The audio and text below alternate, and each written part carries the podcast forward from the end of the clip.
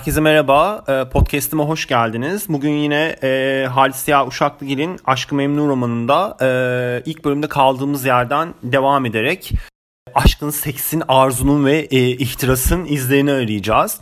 E, bir önceki bölümü harika bir yerde bırakmıştık. E, Bihter'in içinde bir ateş başladığı ve bir yangınla tutuştuğu ve ne olduğunu anlamadığı bir e, yerdeydi. Bihter müthiş bir histeri ve hezeyan krizi geçiriyordu. Bir aynada kendisine bakarken içinden bir başka Bihter'in yani diğer Bihter'le karşılaştığı ve o Bihter'in ona ellerini uzatıp aynanın içine çektiği yerde bırakmıştık. Ee, bu diğer Bihter de aslında içindeki kötü Bihter, The Other Bihter yani. Ee, o da yani hayatta hep korktu aslında Firdevs Hanım'ın kızı olan, babasını da aldatmış olan ve e, ihtiraslarına yenik düşen Bihter hayatı boyunca kaçtığı kadın. Onun için hani böyle birisi çıkıyor ve onu aynada onunla aynada karşılaşıyordu. Ee, bu biraz da zaten şey gibi bir şey yani Bihter'in kendi ölümlülüğüyle ve e, kendi kaderiyle de yüzleştiği bir an gibiydi. Ee, şahane bir bölüm ve bittiği noktada da Bihter e, Göksu'daki pikniğin ardından e, Behlül'ü de Peyker'i öpmek üzere dudaklarını uzatmış olduğu anı da şahit olan tek kişi olarak ne olduğunu anlamadığı bir şekilde odasına yatağına yattığında çırılçıplak soyunup yattığında diğer Bihter'le yüzleşiyordu. Diğer Bihter ona elini uzatıyor, el ele tutuşuyorlar ve e, Göksu, e, evin eşyaları, boğaz, yalı falan hepsi böyle kırılıp paramparça olup ve Bihter'de başlayan bir yangınla beraber e, selin içine yuvarlanarak yok oluyorlardı falan. Bu bitişin ardından 9. bölüme gel- geliyoruz. Burada e, Halit Siyah bence küçük bir numara yapıyor ve bu büyük sahnenin ardından, büyük olayın ardından e, baş karakter olan Bihter'in bu müthiş hezeyanını gördükten sonra e, bizi biraz sakinleştirmek istiyor bölümü Nihal'le açıyor. Bir Nihal bölümü burası. Ee, bunu ilk başta aslında okuduğumda çok gereksiz buluyordum. Üf, bu ne ya? Hani ben de böyle her, hepimiz gibi bir an önce şeye bir an önce şeye gelmek istiyorum yani. Hadi artık Bihter'le Behlül'ü görelim ne yapacaklar falan falan. Ama yani bir yandan da kendi roman ritmi içinde de güzel bir şey bence. Çünkü hem biraz böyle bir e, bir, bir cool oluyoruz, düşüyoruz. Hem de bir yandan da aslında bizi e, yavaş yavaş Nihal'e de hazırlamaya başlıyor. Çünkü biz şu ana kadar Nihal'i hep zaten şey olarak gördük. Yani işte Daddy's Girl, evin küçük kızı, sinir hastası, histerik ki hala bunlar devam ediyor. Ama e, bir yandan da Nihal'in e, rolü bir noktadan sonra artmaya da başlayacak artık ve böyle doz doz diğer karakterlerin arasına Nihal'i de artık yavaştan yavaştan bir ısındırmaya başlıyor bizi Halit Siyah. Ve e, aslında iyi bir şey yapıyor bir noktada da. Ama pek ilgilenemiyoruz çünkü bizde şu anda zaten yani bu tefrik olarak yayınlandığı dönemde de yani herkes gibi biz de bir an önce şeye gelelim istiyoruz. Yani Bihter ve Behlül'e gelelim ve Bihter'i görmeye devam edelim. Çünkü çok güzel bir yerde bırakıyordu. E, 9. bölümde Nihal piyanosunu konusunda şeyler çalarken e, Bülent'i soruyor. Bülent artık e, Galatasaray Lisesi'ne başladı e, ve Galatasaray Lisesi'ne gidiyor. Behlül'ün de Gazlı ile beraber çünkü Behlül de aynı okulda ve Bülent'e zaten biraz içten içe müthiş derecede Behlül'e hayran. E, Behlül okulu anlatırken şey yapıyor falan ve e, bizim Nihal'in bize aktardığı şekliyle e, bu aslında Bihter'in oyunu yani e, Bülent'i Galatasaray Lisesi'ne şutlayan Bihter. Ama kitapta bu açık açık söylenmiyor. Biz bunu Nihal'in zihninden geçen ve onun yaptığına emin olduğumuz bir şey olarak görüyoruz falan. Hmm, yani onu bilmiyorum. Pek de bizi dediğim gibi ilgilendiren bir şey de değil bu. Nihal böyle deliler gibi e, Bülent'in gelmesini beklerken işte onlar bir küçük küçük oyunlar yapıyorlar falanlar filanlar yapıyor. Burada Nihal hayatı sorgulamaya başlıyor ve şey diyor hayat bu muydu? İki kalbi kendi hallerini bırakmamak bu hayatın zalim bir kanunu muydu diyor. İşte annesini bu hayat almıştı. Yine bu hayat babasını değiştirmişti. Sonra yine o hep o Bülent'e tırnağını takmış ta uzaklara atmıştı. Muhakemesinin bütün bu hükümleri bir aralık bir noktaya saplanıp kalıyor ve kendi kendine eğer o gelmeseydi hayat bizi rahat bırakacaktı diyor. E, 12 yaşındaki gerizekalı Nihal hayatın onu Bihter gelmeseydi e, rahat bırakacağını düşünüyor ki öyle olmuyor aslında. E, ve artık aslında Nihal de e, Bihter'e biraz iyice kurulmaya başlıyor. Burada Nihal'de büyüyor. Aradan yıllar geçiyor. Nihal'de ergenliğe giriyor. Neyse oraya var zaten. Müthiş bir Nihal'in ergenlik bölümü var zaten. Deliler gibi manyak manyak şeyler yaptı. Nihal Bülent'i beklerken esas sürprizin e, daha sonra olduğunu görüyoruz. Nihal bir bakıyor ki e, Süleyman Efendi, Nesrin, Şayeste, Şakira Hanım, Beşir, Cemile bunların hepsinin böyle bir odada toplandıklarını görüyor ve bir bakıyor ki Süleyman Efendiler gidiyorlar. Evden kovulmuşlar. E, bunu da Nihal'den öğreniyoruz. Aslında bu da bize kesin olarak verilen bir bilgi değil. Ama e, Nihal'in hastalıklı beyninden geçen şey e, bunların kovulduğu yönünde. Bir tek evde Beşir kalıyor. Ondan sonra Cemile zaten çok küçük. Şakir Hanım, Nesin Şahesi bunların hepsi gidiyorlar. E, Bihter bunları da şutlamış evden. E, Nihal buna inanamıyor. Yani bir yandan onun açısından bakarsak ki hani bakmak ister miyiz bilmiyorum. Ben hiç istemiyorum açıkçası yani Nihal'in penceresinden bakmaya herhangi bir olaya. Ama e, o açıdan bakarsak da biraz da haklı yani. Evde alıştığı bütün düzen yavaş yavaş artık bozulmaya başlıyor. Bütün alıştık insanlar gidiyor ve Bihter yavaş yavaş ele, ele, ele geçiriyor. Bunların gittiklerini gören Nihal şey yapıyor. E, babasının odasına gidiyor ve babasına bunu soruyor. Yani neden, neden gidiyorlar falan diyor. Adnan da çok haklı bir şey söylüyor. Diyor ki yani Süleyman Efendi ölünceye kadar bir uşak sıfatıyla kalamaz değil mi diyor. Onu bir ev sahibi olmaktan bir iş, bir iş bulmaktan men edebilir miydim diyor. Ve Nihal hiç götüm götüm hiçbir şey söyleyemiyor tabii ki buna. Ondan sonra odasından çıkıyor ve kendi kendine küçük bir sinir krizi geçirmek için e, babasının odasından çıkıp kendi yatak odasına gidiyor. Matmazel geliyor onu görüyor falan. Nihal böyle yüzü beş karış orada yatıyor. Dudakları yine e, kenetlenmiş falan. E, Matmazel çok üzülüyor bu duruma. O sırada e, Bülent geliyor Galatasaray Lisesi'nden. Ee, ve işte bu çok seviniyor falan şey gördüğü için. Ondan sonra ve diyor ki işte Bülent'ciğim biliyor musun? Ya Bülent'ciğim demiyor tabii. Bülent, Bülent biliyor musun? Evin içinde yeni bir vaka var. Şakir Hanım'ın Cemile gittiler diyor. Bülent de omuzlarını kaldırarak diyor ki biliyorum Beşir'den aldım. Beşir'den haber aldım. O da annemle uğraşmasaydı diyor. Nihal iyice gıcık oluyor. Bu sefer Bülent'i de diyor ki siktir git babanın yanına diyor. Odadan kovuyor. Ondan sonra sana mektup falan da okumayacağım diyor. Ve böylece e, kısa bir Nihal partıyla verdiğimiz o haftaki ara bitiyor ve 10. bölüme geliyoruz. 10. bölüme geldiğimizde Bihter Behlül'ün kapısında bekliyor oluyor. Aylardan Aralık e, dışarıda diyor ki yarım saatten beri bol bir kar, kar bulutu parçalanmış. Havanın baygın esmerlikleri içine iri iri parçalarla lapa lapa dökülüyordu diyor. Ve e, Behlül'ün odasında e, soba yanıyor ve sobadan sadece ateşin kırmızı alevleri karanlıklarla titreyen odada e, Behlül'ü aydınlatıyor oluyor. Bihter böyle kapıdan baktığında Behlül böyle karanlık odada kırmızı ışıklar içinde böyle duruyor oluyor falan. Yine böyle Halit Ziya çok küçük detaylarla harika bir atmosfer yaratıyor. Bihter kendisini tutamıyor ve kapıyı aralayarak Behlül'e diyor ki Behlül Bey benim şekerlerimi yine unuttunuz mu diyor. Ondan sonra hayır tattım unutmadı Behlül senin şekerlerini birazdan verecek senin e, emmeli şekerini. Ondan sonra rahat rahat yiyebilirsin diye. Behlül de diyor ki e, odanın diğer ucunda siz misiniz yenge şekerleriniz mi? Hayır hiç unutur muyum diyor. Ondan sonra şekerleriniz şekerleriniz durun bakalım onları nereye koydum? Ah işte burada masanın üstünde. Gelin de yalayın biraz şekeriniz diyor. Tabii ki böyle bir şey söylemiyor. Bihter odaya giriyor.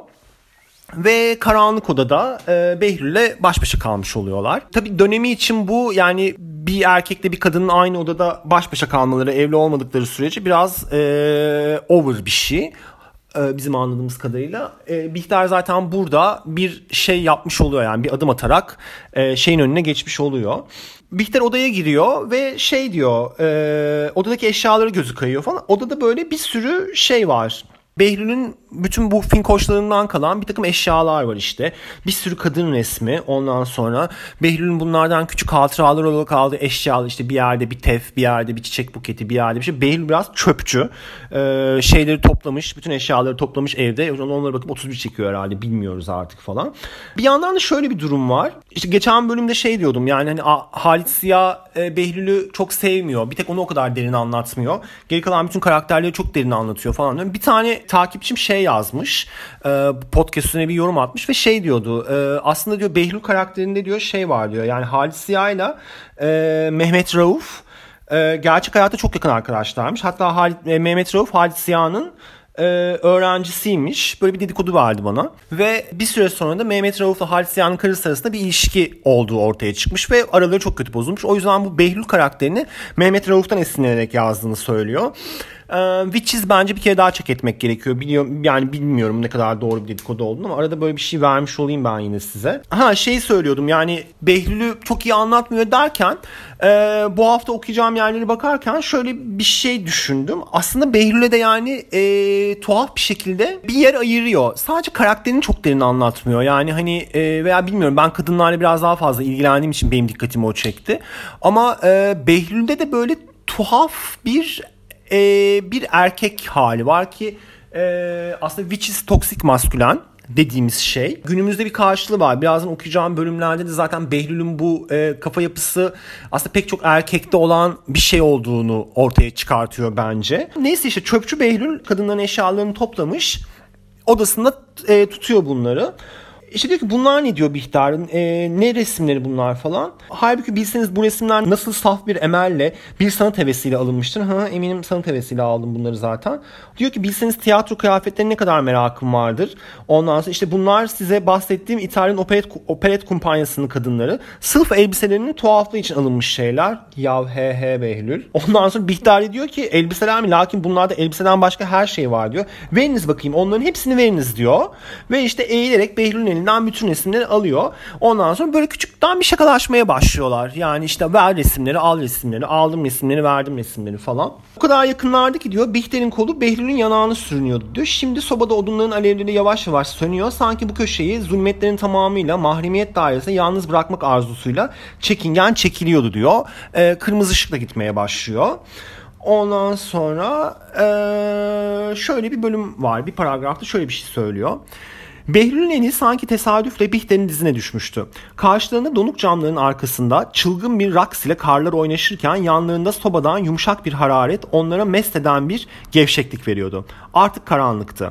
Bihter bir kez söz söyle Bihter bir söz söylemeyerek şimdi fark edilemeyen resimler hala elinde bilinmez nasıl bir korkuyla bir hara- hareket etmeye cesaret edemeyerek duruyordu. Yalnız sobanın kapağında iki kırmızı göz sönük hemen büsbütün örtülecek bir nazarla onlara bakarak gülümsüyor gibiydi etti. Birden ikisi de titrediler. Şurada bu karanlık odanın mahrem havasında ikisi de aynı saniyede öyle bir şey hissettiler ki onları bir kelime söylemekten, bir hareket etmekten ürkütüyordu. Tehlikeyle dolu bir rüya içinde gibiydiler. Bir küçük şey bilinemez nasıl bir tehlikeye sebep olacak zannediyorlardı diyor ee, bir sessizlik anı oluyor. İkisi de artık odanın içinde yalnız başlarına olduklarını anlamış durumdalar. Burada Behlül'ün Bihter için daha önceden düşündüğü şeyler olduğunu e, söylüyor Halit Siyah. E, eskiden mesela böyle bir böyle sigarasını içerken Bihter'e baktığı zaman şey diyormuş mesela ah ne olmayacak şey bu yolda fikirler sadece bana mahsustur falan diyor ki öyle değil yani Bihter odada şu anda. Ondan sonra e, bu da Behlül'ün kadınlar hakkında bir analizi var. Diyor ki bir kadın sizden uzaklaşıyorsa sizden korkuyor demektir. Daha doğrusu size, size karşı kendisinden korkuyor demektir diyor.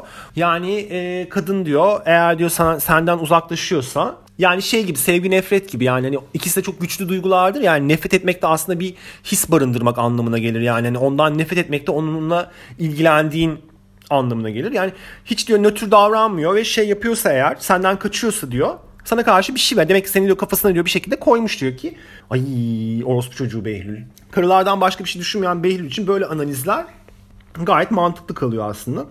Mesela işte Peyker'i düşünüyor diyor ki mesela Peyker'in diyor bir Peyker diyor ona diyor cesaret verecek bir halde gelirken birdenbire en umulmaz bir inada girmesi diyor e, ahmak kadın, aptalca bir iffet diyor mesela şey için. Nihat Bey de diyor bir düşman oluyor falan diyor. Neyse geçiyoruz burada. Burada eli hala Bihter'in dizinde. Kolu Bihter'in yanağını sürtüyor. Bu dakikalar uzadıkça diyor ikisinin de kalbine bir korku titreşi veren tehlike manası daha ziyade e, gerçekleşiyor diyor. Artık şurada geçirilen masum birkaç dakika aralığında bir kabahat ağırlığıyla kalacak diyor. Şey sınırını aştılar. Psikolojik eşiği aştılar artık. Odada biraz hani şeker aldım şeker verdim. İşte kitabım var mı? Yok enişte ne haber? Gel yenge bir otur çay iç düzeyini biraz geçtiler artık. Yani e, odada biraz uzun zaman geçirdiler. Bu diyor şey masum birkaç dakika biraz kabahat haline şey yapmak istiyor diyor. Ondan sonra birden Bihter bu vaziyetten çıkmak için kuvvet buldu ve şekerler şekerler diyor ki şekerler şekerler onlar nerede diyor. Bunu söylemek için öyle bir hareket yapmıştı ki artık Behlül'den uzak ve ayağa kalkmaya hazırdı diyor. Ee, hadi Behlül'cüm artık ver şekerini Bihter'in, Bihter yengenin. Behlül artık şey diyor. E, Behlül artık durdurulamıyor. Yenge nereye gidiyorsunuz falan. Bihter gitmeyip falan 5 dakika daha böyle karanlıkta. Çünkü artık yani e, Behlül anladı Bihter buraya e, pompaya geldi ama korkuyor şu anda ve artık e, artık ayağa kalkmıştı. Behlül de elinde şekerleme kutusu ile ayakta ona bakıyordu. Karanlıkta birbirini tamamıyla göremiyorlardı. Yalnız geniş geniş soluduklarını hissediyorlardı. Bugün şurada en umulmaz bir surette o zamana kadar birbirine karşı vuzuh kesbetmeyen vaziyet birdenbire açığa çıkmıştı diyor. Bir saniye içinde Behlül o kadar ileri gitmişti ki artık geri dönmek mümkün değil diyor. Behlül'ün buradan yılan beyninden şeyler geçiyor. Onları görüyoruz. Diyor ki mesela işte işte diyor kadın beni seviyor. Henüz sevmiyorsa bile yarın sevecek. E, ve evet bir kadın ki mutlak beni yahut bir başkasını sevecek diyor. Şu halde niçin beni? Ay yengem başkasına vermesin de bana versin diyor yani. Ondan sonra şimdi Bihter'e yaklaşmıştı. Dudakları saçlarını sürünerek bu karanlığın içinde daha ziyade samimiyet, daha fazla mahremiyet kesbeden rica dolu sesiyle hayır gitmeyiniz gitmeyiniz diyor. Ondan sonra sizinle bir arada nasıl bahtiyar olurduk diyor. Bihter işitmiyordu. Kulaklarına bir uğultu onu işitmekten, beyninin içinde bir donukluk anlamaktan men ediyordu diyor. Bihter diyor ki buraya niçin gelmişti? Ta o günden beri, o göksu aleminden beri bu adamdan kaçmak lazım geleceğine hükmetmişken evet buraya niçin gelmişti ve hala niçin buradan kaçıp gitmiyor diyor. Bihter başını çekerek diyor ki Behlül Bey siz çılgınsınız bırakınız rica edin diyor. Sonra da diyor ki Peyker'den sonra ben mi diyor. Bu diyor ağzından öyle istemeden çıkmıştı ki derhal pişmanlık duydu diyor. Fakat şimdi Behlül onu ellerinden yakalamış, yakalamıştı ve küçük küçük buselerle elini öperek hayır hayır diyordu. Peyker'den sonra değil her şeyden evvel yalnız siz anlıyor musunuz? Hayatıma yalnız siz olacaksınız. Düşününüz bir kere niçin birbirimizi sevmeyelim? Evet niçin diyor. Behlül e, arkasından sürükleniyor diyor. Pencerenin önünde buluyorlar kendilerini. Bihter bir şey söylemiyor. Behlül de pencerenin yarı aydınlığı içinde sanki küçük korkunç bir rüyanın heyecanlığıyla gö göğsü şişik duruyordu diyor. İkisi de pencereden bakıyorlardı. Bütün sis. Karşı sahil artık görülmüyor. Karşıda azim bir dumanla resmedilmiş bir tablo parça parça koparak denize dökülüyor gibiydi. Bihter dalgın bakıyordu fakat düşünemiyordu. Onun da zihninde şimdi böyle e, dumanlarla çizilmiş bir şey vardı. Ondan sonra diyor şimdi diyor göksu alemini takip eden gecenin kabusuna benzeyen bir şey onu derin bir uçurumuna yuvarlıyor zannediyordu. O geceye geri gidiyor Bihter. Bırakınız beni diyordu. Fakat Behlül bir şey söylemeyerek onu omuzlarından tutmuş. Şimdi dudaklarının çılgın buseleriyle yüzünü, boynunu, dudaklarını, saçlarını örtüyordu. Ötede sobanın kırmızı gözleri büsbütün kirpiklerini indiriyor. Dışarıda küçük küçük beyaz karlar mütemadi bir sukut ile bütün ufku beyaz dumanlara boğuyordu derken Bihter şekerlerini yalamaya başlıyor diye tahmin ediyoruz ve bu bölüm bitiyor. Ee, bu bölüm bittiğinde gördüğümüz üzere e, Bihter gidiyor odanın içine ve Bihter'in küçük bir hamlesiyle Behlül zaten dünden razıymış bunu anlıyoruz. 11. bölümde de Halit Ziya 11. bölümü Behlül'le açıyor. Artık koli bitmiş. Behlül odada tek. Ve şey diyor bu bir rüya olmuş. Bu bir rüya gibi olmuştu diyor. Odasına yalnız kalınca inanamadı. Bir iki dakika evvel burada bir kadın vardı. Bu kadın Bihter'di öyle miydi diyor. Işık yok odada. Parmaklarına bir şey çarpıyor ve şekerler diyor. Bihter şekerlerini almadan çıkmış. Ondan sonra kutuyu açtı. Parmaklarını uzatarak fondanlardan bir tane aldı. Şeker dilinin üzerinde erir erimez pek taze bir hatıra ile bir koku duydu. Şekerler menekşeli ve e, Bihter'in de sürdüğü parfüm menekşeli. Ondan sonra Violet yani. Şeker bir parça menekşeliydi. Bihter'in rayası, Bihter'in nefesi, Bihter'in ruhu. Orada diyor Bihter'i hala kollarında zannetti diyor. Ondan sonra Behlül inanamıyor. Ee, Bihter, Bihter'in kendisinin olmuş olduğuna. Ondan sonra ve odasında biraz takılıyor. Ve aklına eski karılar geliyor. Daha önce e, kolleştiği karılar.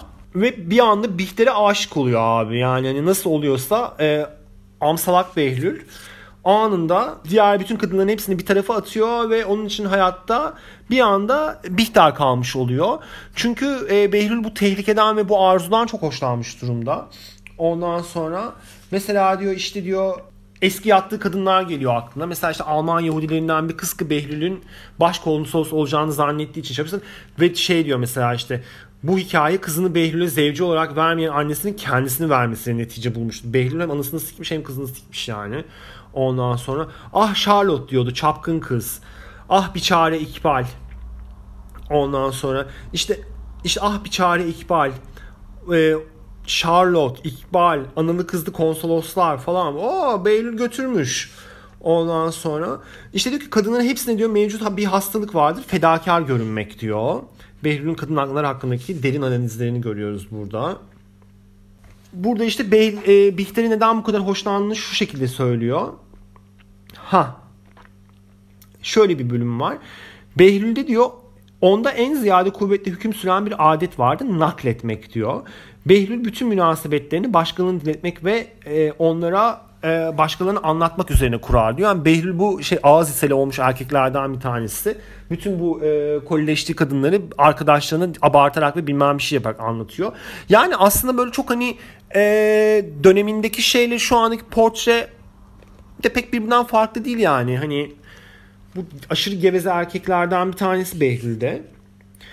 Diyor ki bu defa her zamankinden başka bir fark vardı yalnız diyor bu kadınlardan. Behlül'ü Behlül'ün Bihter'i burada diğer kadınlardan başka bir yere koyduğunda bu defa her zamankinden başka bir fark vardı. O gidip Bihter'i almamıştı. Bihter gelip kendisini almıştı. Bu bütün şeyin rengini değiştiriyor e, Behlül için. O sırada kapı çalıyor. Behlül'ü yemeğe çağırıyorlar. Hemen reddediyor. Ve diyor ki birisinden kaçıyordu.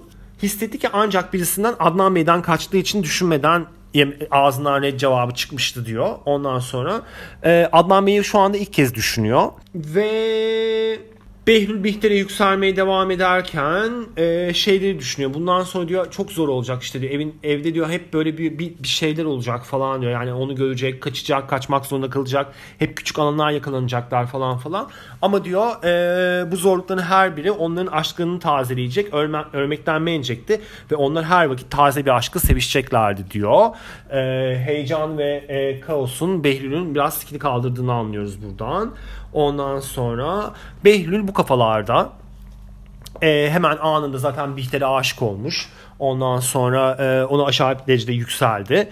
E, ve diğer karıları falan herkesi çöpe atarak bundan sonra sadece Bihter'i düşüneceğini zannederken ondan sonra 12. bölüme geçiyoruz. 12. bölümde peki ya Bihter ne durumda?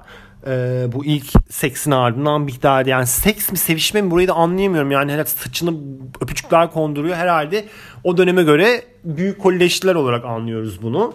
Ee, bu ilk aşk günahından sonra Bihter hastalanmış gibiydi. Behlül odasından çıkınca hiçbir şey duymamıştı diyor. Bütün hissini uyuşturan bir uyku için uyku içindeydi diyor. Demek bu sabah Bihter her zamankinden başka bir Bihter'di. Artık mutsuz, mutsuzluğunu acınacak bir, acınacak bir kadın değil, bir daha silinmeyecek bir leke ile kirlenmiş, sifil, pis bir mahluktu. Nihayet işte şimdi büsbütün Firdevs Hanım'ın kızı olmuştu diyor. Ve Bihter'in hayatta en korktuğu şey olan annesi olmak e, gerçekleşmiş oluyor ve Bihter derin bir depresyona giriyor. E, nihayet işte şimdi büsbütün Firdevs Hanım'ın kızı olmuştu. Aa zavallı. Bunu kendi kendisine söylüyor ve kendisine iğrenecek bir vücuttan kaçarcasına kaçmak istiyordu. Lakin niçin böyle olmuştu? Bu günahı affettirecek bir sebep de bulamıyordu. Behlül'ü sevmiyordu. Hayır bundan emindi. Çapkın bir çocuktan başka bir şey olmayan bu adam hakkında aşka benzer hiçbir şey duym duymamıştı. Peki diyor niçin? Evet niçin gidip adi bir fahişe zafiri bu adamın kollarına atılmıştı diyor. Şimdi nefsinden iğreniyordu. Hayatta her şeyden iğreniyordu. Nihayet Firdevs Hanım'ın kızı olmuştu. Evet yalnız onun için gitmiş. Bu adamın kollarında kirli bir kadın olmuştu. Başka bir sebep bulmuyordu. Demek onun kanında, kanının zerrelerinde bir şey vardı ki onu böyle sürüklemiş. Sebepsiz, özürsüz Firdevs Hanım'ın kızı yapmıştı.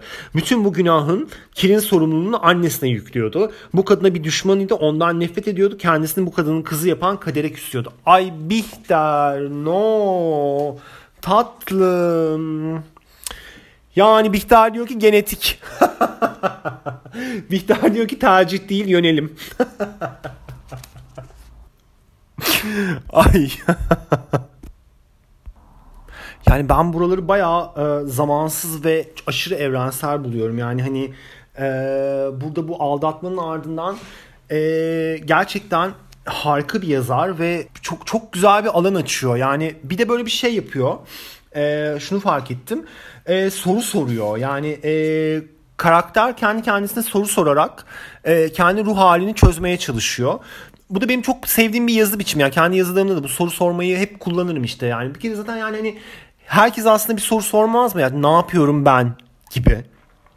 Bihter de böyle e, kendisine bir takım sorular sorarak kendi kendi cevabını veriyor. Yani işte hayatta en korktuğu şeyin Firdevs Hanım'ın kızı olmuş olması ve aklına gelen ilk şey yani annemden geçti bana bu yani onun gibi oldum ve annemin özelliklerini taşıyorum falan. Yani yazık ya gerçekten. Yani doğru da olabilir mi bilmiyorum bir yandan da. Yani gerçekten korktuğu şey korktuğu şey mi olur? İnsan korktuğu şey mi olur? Ona mı bürünür bir noktada da? Ee, Bihter deliler gibi ne yapacağını düşünüyor şu an itibaren ve aklına genius bir fikir geliyor. Diyor ki Adnan'a gideyim ve şey diyeyim. Biliyor musunuz ben size layık değilim. Ben sefil bir mahlum. Firdevs Hanım'ın kızıyım. Bırakınız beni gideyim. Annemin yanına. Ben yalnız oraya layığım. Lakin siz de düşünme, düşünmeli değil miydiniz? Niçin gidip bir Firdevs Hanım'ın kızını almak istediniz diyeyim diye düşünüyor. Sakın böyle bir şey yapma gerizekalı. Bihter suçu yani anasını atsa rahatlayacak yani. Sanki anası gitti herifin koynuna girdi. Şekerlerim de şekerlerim diye bonbonlarım da şeylerim diye odaya atlayan sendin tatlım. Ananın ne alakası var bununla? Ondan sonra ee, yazık ya ne yapacağını bilemiyor bir türlü. Ee, en azından Behlül gibi yavşak değil yani. Odada böyle aklına daha önce siktiği karılar gelip onları düşünmek yerine en azından kendi ruhsal çekişmesini yapıyor. Kesinlikle I love Bihter ya.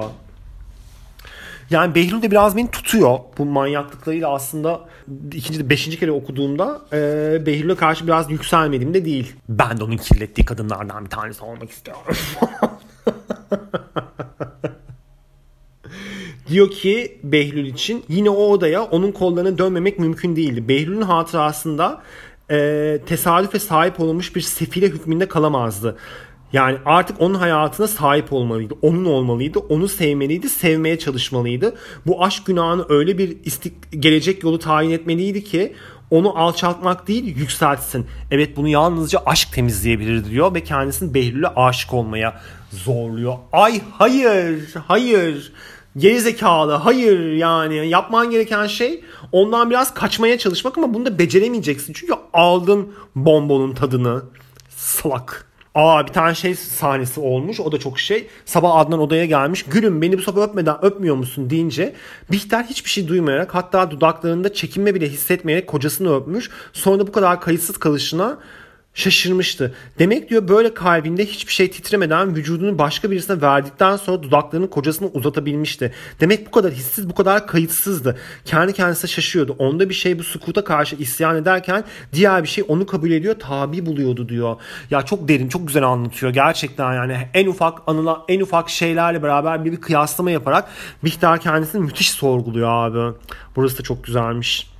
Sonra Bihter diyor ki o bir hafta sürekli kaç o kadar Vukun o kadar uzaklaşmıştı ki artık şüphe ettiriyor. Yoksa hiçbir şey olmamış mıydı diyor. Bihter böyle böyle kendisini sorgularken ee, yani Bihter bu kadar derin analizler yaparken işte kendisini Firdevs Hanım'ın kızı olmak ve oradan geri çekilmeye çalıştığında Behlül'ün ise bambaşka planları var. Behlül ise şöyle düşünüyor.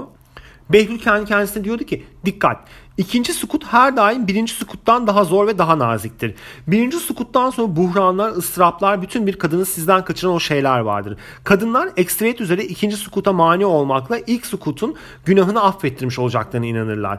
Bu devre esnasında onlara ya tekrar tesadüfle yaklaşmak ya onlara karşı kayıtsız kalmak icap eder. Kadınlar takip edilecek de kaygısızdırlar. Sizin hala onlarla meşgul olmanız, hala onların arkasında koşmanız ekseriyet üzere kalplerinin ihtiyacını tatminine yeter. Fakat kayıtsız kalırsanız asla affedemezler ve o zaman o ilk sukuttan sonra onlar sizi takip eder diyor. Duyun kadınlar duyun duyun. Ah ah ah yavşak Beylül ah. Beylül kadınları çözmüş ve o yüzden Bihter'e karşı ilk seksten sonra tamamen kayıtsız davranmış ki Bihter ona yükselsin diye bekliyor. Bundan sonra uzun bir şey bölümü var. E bunlar bir düğüne gitmeye hazırlanıyorlar. Firdevs Hanım'ın teyzesinin kızı mı ne evlenecek ve Nihal de davetli. Ve böyle çok uzun bir yine kombinler kombinler kombinlerimiz bölümü var. Bihter Nihal annesine gidiyorlar. Artık biraz da yakın arkadaş olmuş durumdalar. Böyle hafif böyle araları düzeldi falan. Fakat o gün onlara e, Behlül de kendini zorla yamıyor. Ve e, işte böyle orada böyle şey Lubunya gibi sürekli kıyafetlerine karışıyor bilmem bir şeyler yapıyor. Ve Firdevs'e gidiyorlar. Firdevs ise e, artık bu romatizmalar falan sancılardan geberse de Behlül gelince bir böyle bir e, kanı kaynıyor ve bir hopluyor olduğu yerde falan. E, ve Behlül'le biraz biraz bir flörtleşiyorlar. Behlül Firdevs'e de biraz yüz veriyor. Mesela şöyle bir şey var. Biraz gayet erotik, biraz milf şey e, biraz milf porno gibi. E, Firdevs diyor ki yastıkları biraz düzeltir misiniz Behlül Bey diyor. Behlül ayağa kalkıyor. Onu biraz daha omuzundan çekerek arkasına yastıkları düzeltiyordu. Avucunun içinde bu kadının yumuşamış vücudunu bir teslimiyet arzusuyla eriyor hissediyordu. Kendi kendisine ne kadar yazık ki tam 10 sene geç kalmış oluyorum diyordu. Yastıkları düzelttikten sonra Firdevs Hanım geniş bir nefesle ona baktı. Sonra ağır bir süzgünlükle gözlerini kapayarak elini uzattı ve Behlül'ün elini tutarak öyle gözleri kapalı sanki gözlerinin içinde hayaline tasarruf ederek sıktı. Behlül kendi kendisine o dedi mesele ciddiyet kazanıyor. Nihayet aşk ilanı olacak. Annelerden sonra kızlar. Evet fakat bilmem ki sevda felsefesinde ters çevrilmiş bir sureti var mıdır bunun diyor. Ay Behlül yani inanılmazsın.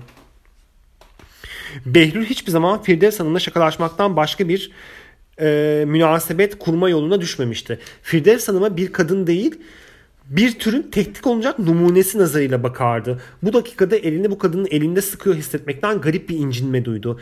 Nefsinde henüz öyle bir şey kalmıştı ki bu kadınla görüşmekten başka bir şeyi andıracak münasebetlerden kaçınıyordu. Yavaşça Firdevs Hanım'ın uzak bir rüya üzerine uyanmaya çalışan kapalı gözlerine bakarak elini çekti diyor. Ay bunlar olurken ise Bihter tabii ki bunları görüyor. Behlül'ün anasının, anasının böyle Behlül'ü görünce fenalaşmalarını falan.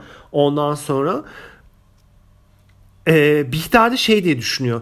Fakat Bihter'de Behlül'e bir şey söylemek, onu aşağılamak, bir kelimeyle aralarına artık unutulmayacak bir düşmanlık koyma ihtiyacı vardı. Sebebini pek iyi bilmiyordu fakat bu adamı tokatlamak istiyordu diyor. Ay yani böyle perde perde geriliyoruz. Perde perde geriliyoruz ya. Çok güzel yazdın. Devam et. Sonra köşke dönüyorlar Firdevs'ten. Köşke döndüklerinde ee, Bihter Behlül'ün kolunu tutuyor ve şey yapıyor. Odasına götürüyor kolundan sürükleyerek evde insanlar varken ve burada e, bir yasak aşk tarifi var. Ruhların bütün ateşte ciğerlerini söken bir Buse için dudakları birleşti diyor. Bihter silkini lakin bu çılgınlık bir saatten beri buradayım. Ne yapıyorsunuz bir saattir odada? Herkes evde ayol delirmişler. Bu ikinci konuşmadan sonra Bihter'in bütün azapları dinmiş oldu. Artık kendi kendisine itiraf ediyordu ki Behlül'ü seviyor. Bu aşk günahının bütün yasak lezzetlerini onun aşk susunu öyle mest ederek teskin ediyordu ki artık bu sevdanın halinde kalan hayatı siliniyordu. Bihter teslim oldu yeter. O.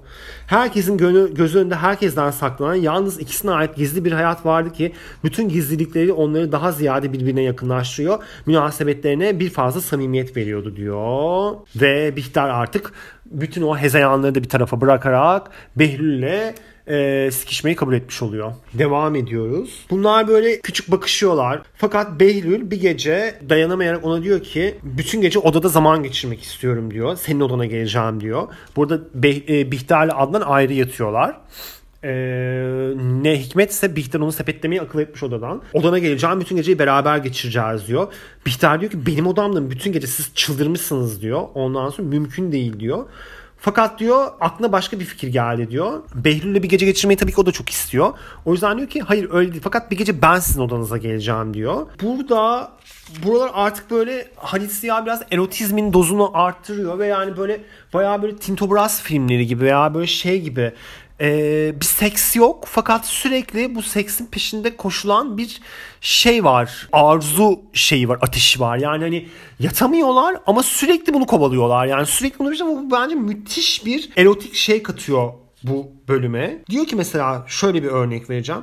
Kaç kere böyle yatağından karanlıklarda bir cinayet fikrinin hummasıyla hareket edenlere mahsus ateşlere kavrularak inmiş, odasının kapısına kadar gitmiş fakat orada duruyor, gözleri karanlıkta bir noktaya dikilerek uzun bir bekleme içine hareket edemeden kalıyordu. Böyle ne beklerdi? Karanlıkların bir ilham lütfuna bekler gibi dururdu diyor Bihter bu. Hissederdi ki o dakikada onun gibi nefes almaya cesaret edemeyerek biri kendisini bekliyor. Heyecandan bayılarak her dakika odasının kapısında bir hareket tevehüm ediyordu. Bu da Behlül yani hani Üst katta o bekliyor, alt katta o bekliyor ve ikisi de birbirlerinin böyle beklediğini biliyorlar ve yani bir türlü yatamıyorlar abi. Böyle yani onun kokusu kabarıyor, onun siki kalkıyor falan ama böyle yani ve tam olarak Behlül'ün dediği şey oluyor. Yani bu böyle aralarındaki bu bakışmalar, bu bilmem bir şeyler falan onların böyle seksini bayağı bayağı yükseltiyor. Ondan sonra ertesi gün oluyor mesela Behlül gözleriyle yine gelmediniz derdi. O bir dakika fırsat bekleyerek Bihter'e bakar. Yalnız kalmak için yalnız bir kelime söyleyecek kadar onu yalnız görebilmek için gözleriyle rica ederdi. Bihter bir gecesini ona vermeden evvel onun hiçbir şey söyleyebilmesine imkan bırakmıyordu. Behlül şimdi her gece evdeydi diyor. ya bu gece geldi ya da bir gece geldi yani. Anladın mı? Behlül artık eskiden dışarıdan eve gelmeyen, orospu üstüne inmeyen Behlül artık her gece evde belki Bihter bu gece gelir, gelir diye. Nihayet bu geceyi bulabildi diyor. E, düğüne gidecekleri gece e, düğüne gidecekler çarşamba gecesi. Bir gece kalacaklar perşembe gelecekler. Ben bu düğün şeyini pek beğenmiyorum. E, çünkü çok yer alıyor bence. E, ama bir hikmeti vardır diye düşünüyorum. Bu düğünün bir şeyi var. Çok güzel yazmış tabii ki burayı da. Ondan sonra Firdevsler ve şey geliyor falan. Çok büyük bir hazırlık yapılıyor. Böyle yani hani e, eşyalar eşyalar bir istimbotla gidiyor. E, Filika büyüklüğünde bir gemiyle gidiyor. Çünkü üç karı gittikleri için her şeyi toparlıyorlar. Bu düğünde e, Nihal de çok güzel hazırlanıyor. Bir Japon kıyafeti gi- giyinmesi bekleniyor ama Japon kıyafetini giymiyor falan. Ondan sonra burada şeyi görüyor. Biht, e, Adnan'ın e, Bihter'e düğün hediyesi olarak aldığı zümrüt takımı görüyor. Nihal biraz kıskanç krizi geçiriyor. Sonra hepsi böyle hazırlanıyorlar. İstimbot'a binmek üzerelerken e, şöyle bir an oluyor. Bihter aa çanta çantam nerede falan diyor unutuyor. Ondan sonra Behlül diyor ki rica ederim odama bakar mısın? Zannediyorum ki orada kaldı diyor. Hepsi burada aşağıdalar. Salondan gitmeye çalışıyorlar. Behlül koşarak gidiyor. O sırada Bihter şey hatırlıyor. Eldivenlerini de unutmuş. Ondan sonra şimdi herkes merdivenlerden iniyor. Nihal Matmazel Kurtan'la öpüşerek veda ediyor. Adnan Bey, Nihal Bey, Nihat Bey'le rıhtımdan İstimbot'a binişlerini görmek için pencereden sarkıyorlardı. Bihter eldivenleri için koştu. Behlül odada etrafa dağılan kanepelerin sandalyenin üzerine serilen elbiseler, çamaşırlar arasında çantayı arıyordu. Bihter bulamadınız, bulamadınız mı dedi. Sonra birden çantayı yere halının üstüne düştü. Ha işte burada dedi. Behlül çantayı aldı fakat vermeyerek Bihter'e baktı ve yarın gece dedi. Evet yarın gece çantayı veriniz rica ederim. Herkesin yalnız kalışımıza bir mana verirler diyor. Behlül çantayı veriyor. E, Bihter'in ellerini tutuyor. Dudakları birbirlerine kilitleniyor. Ay çok erotik ya. Aşağıda hepsi beraberler falan. Bunlar odada böyle bir dakika içinde falan birbirlerini gördüğü anda böyle vakum gibi, vantuz gibi böyle birbirlerine yapışıp dudaklarını emişiyorlar. Dudakları birbirine kilitlendi. Uzun bir buseyle birbirlerini hırpalayarak öpüştüler. İkisinde başları dönüyordu. İhtimal şu sırada her türlü tehlike içinde birbirlerinin kollarına düşeceklerdi diyor. Fakat birden bir gıcırtı, bir kapı gıcırtısı işittiler. Titreyip birbirlerine ittiler. Bihter dehlize atıldı. Behlül kendisi toplarak takip ediyor. Bihter önünden geçerken Matmazel Koto'nun kapısı sallanırken gördü. Matmazel'in kapısı sallanıyor. Hiç şüphesiz hiçbir şey değildi. İhtiyar mürebbi odasına girmiş olacaktı diyor. Ha ha sen öyle zannet. Sonra eve geldiklerinde perşembe gecesi Bihter bir şekilde odaya gidiyor. Fakat diyor ki ne yapacaklarını da bilmiyorlar abi. Bu uzun geceyi beraber nasıl geçirecekler? İkisinin arasında hala soğuk bir hava. Bir yabancılık münasebetlerini e, soğuk bir nefesi vardı ki onları tamamıyla sevişmekten men ediyordu diyor. Yani Bihter odaya gidiyor fakat ne yapacaklarını bilmiyor ve e, yalancı, ahlaksız ve düzenbaz Behlül diyor ki işte mesela şey diyor Bihter. O diyor ilk kez mesela bunu. Kocasının ismini söyleyemedi. Behlül onu hemen tebrik Ne iyi olurdu mesela hani kocam bizi görse ne olur diyor. O da diyor ki ne iyi olur. O zaman sizinle beraber buradan giderdik. O zaman biz bütün bahtiyar olurduk diyor. Ve Bihter buna kapılıyor yani. Behlül'ün onunla beraber gideriz demesi onu tutan şey oluyor. Lakin nereye nasıl bilir miyim diyor. Uzak her şeyden uzak bir yer. Orada Bihter de diyor ki o zaman gene kadına bir sevda kasidesini rüyalar için uyutan şiir ufku açıldı. Ummanları geçeceklerdi. Aşklarına bir naz ile, neşeyle örülmüş yuva öyle müstesna bir köşe bulacaklardı ki ebedi bir baharın tazeliklerine yuva olsun. Ağaçların arasında kaybolunacak korular, saf dalgaları, kenarına kendinden geçmeleri için uyuyacak şelaleler, sevdalarının daimi bir bahar sahnesi olacaktı. Onlar mini bir selam, onları mini mini bir selamla alkışlayan kuşlar, saf, saf tebessümleriyle tebrik eden çiçekler arasında kol kola baş başa gezeceklerdi. Sonra yuvalarına gece ayın işitilmez hazin bir musikisinin ezgilerine benzeyen ziyaları altında içten sevda nameleri dinleyecek dön- ve döneceklerdi. Küçük zarif yuvalarının yeşillikler içinde boğulmuş yeşil bir kafese benzeyen o kutunun içinde sevişecekler. Hep sevişeceklerdi. O kadar sevişeceklerdi ki senelerin geçtiğini habersiz daima genç, daima bahtiyar artık ölmemek isteyeceklerdi. Belki bu sevda köşesi o kadar cennetten bir parçaya benzeyecekti ki ölüm bile onları unutacaktı diyor. Miktar böyle bir koli hayal ediyor. Ee, Behlül'ün odasının kapısından içeri giriyor. Kapıyı açarken titriyordu. Gürültü olup olmadığını tayin edemedi. Odasının kapısına kapıyı kapattıktan sonra bir müddet durdu. Etrafı dinliyordu. Kendi odasına döndü artık. Hiçbir ses yoktu. Bu büyük ev derin bir uyku içinde her şeyden habersiz geniş geniş nefeslerle uyuyordu diyor. İlk koliden sonra Bihter odasına dönüyor. Demek gecelerin kara gözlerinden başka hiçbir göz onu görmemişti. Demek bu kadın bu geceyi başka bir odada geçirmişti. Buna kimse vakıf olamamıştı. Bihter bunun bu derece kolay olabildiğine şaşıyordu. Şu halde istese yarın gece, isterse her gece oraya gidebilecekti. Nihayet belki bir defa görülebilir olabilirdi. Fakat bundan artık korkmaya sebep yoktu. Madem ki onunla beraber gideceklerdi. Ta ummanların öte tarafına Bihter kendisini Behlül'ün kolunda yeşil ormanların içine mavi şelaleler arasında bir aşk gömülmesi içinde yavaş yavaş yürüyor görüyordu diyor. Ee, burada bitirelim. Bir sonraki hafta yani bir sonraki bölümde devam edeceğiz. Bir sonraki bölüm Nihal ile başlıyor. Düğünden sonra Nihal ve devam ediyor. E, artık Bihter yavaş yavaş e, Behlül'ün ona söyleyeceği yalanları keşfedecek. Çünkü Behlül biraz sıkılmaya başlayacak. Dinlediğiniz için çok teşekkürler. Görüşmek üzere. Hoşçakalın.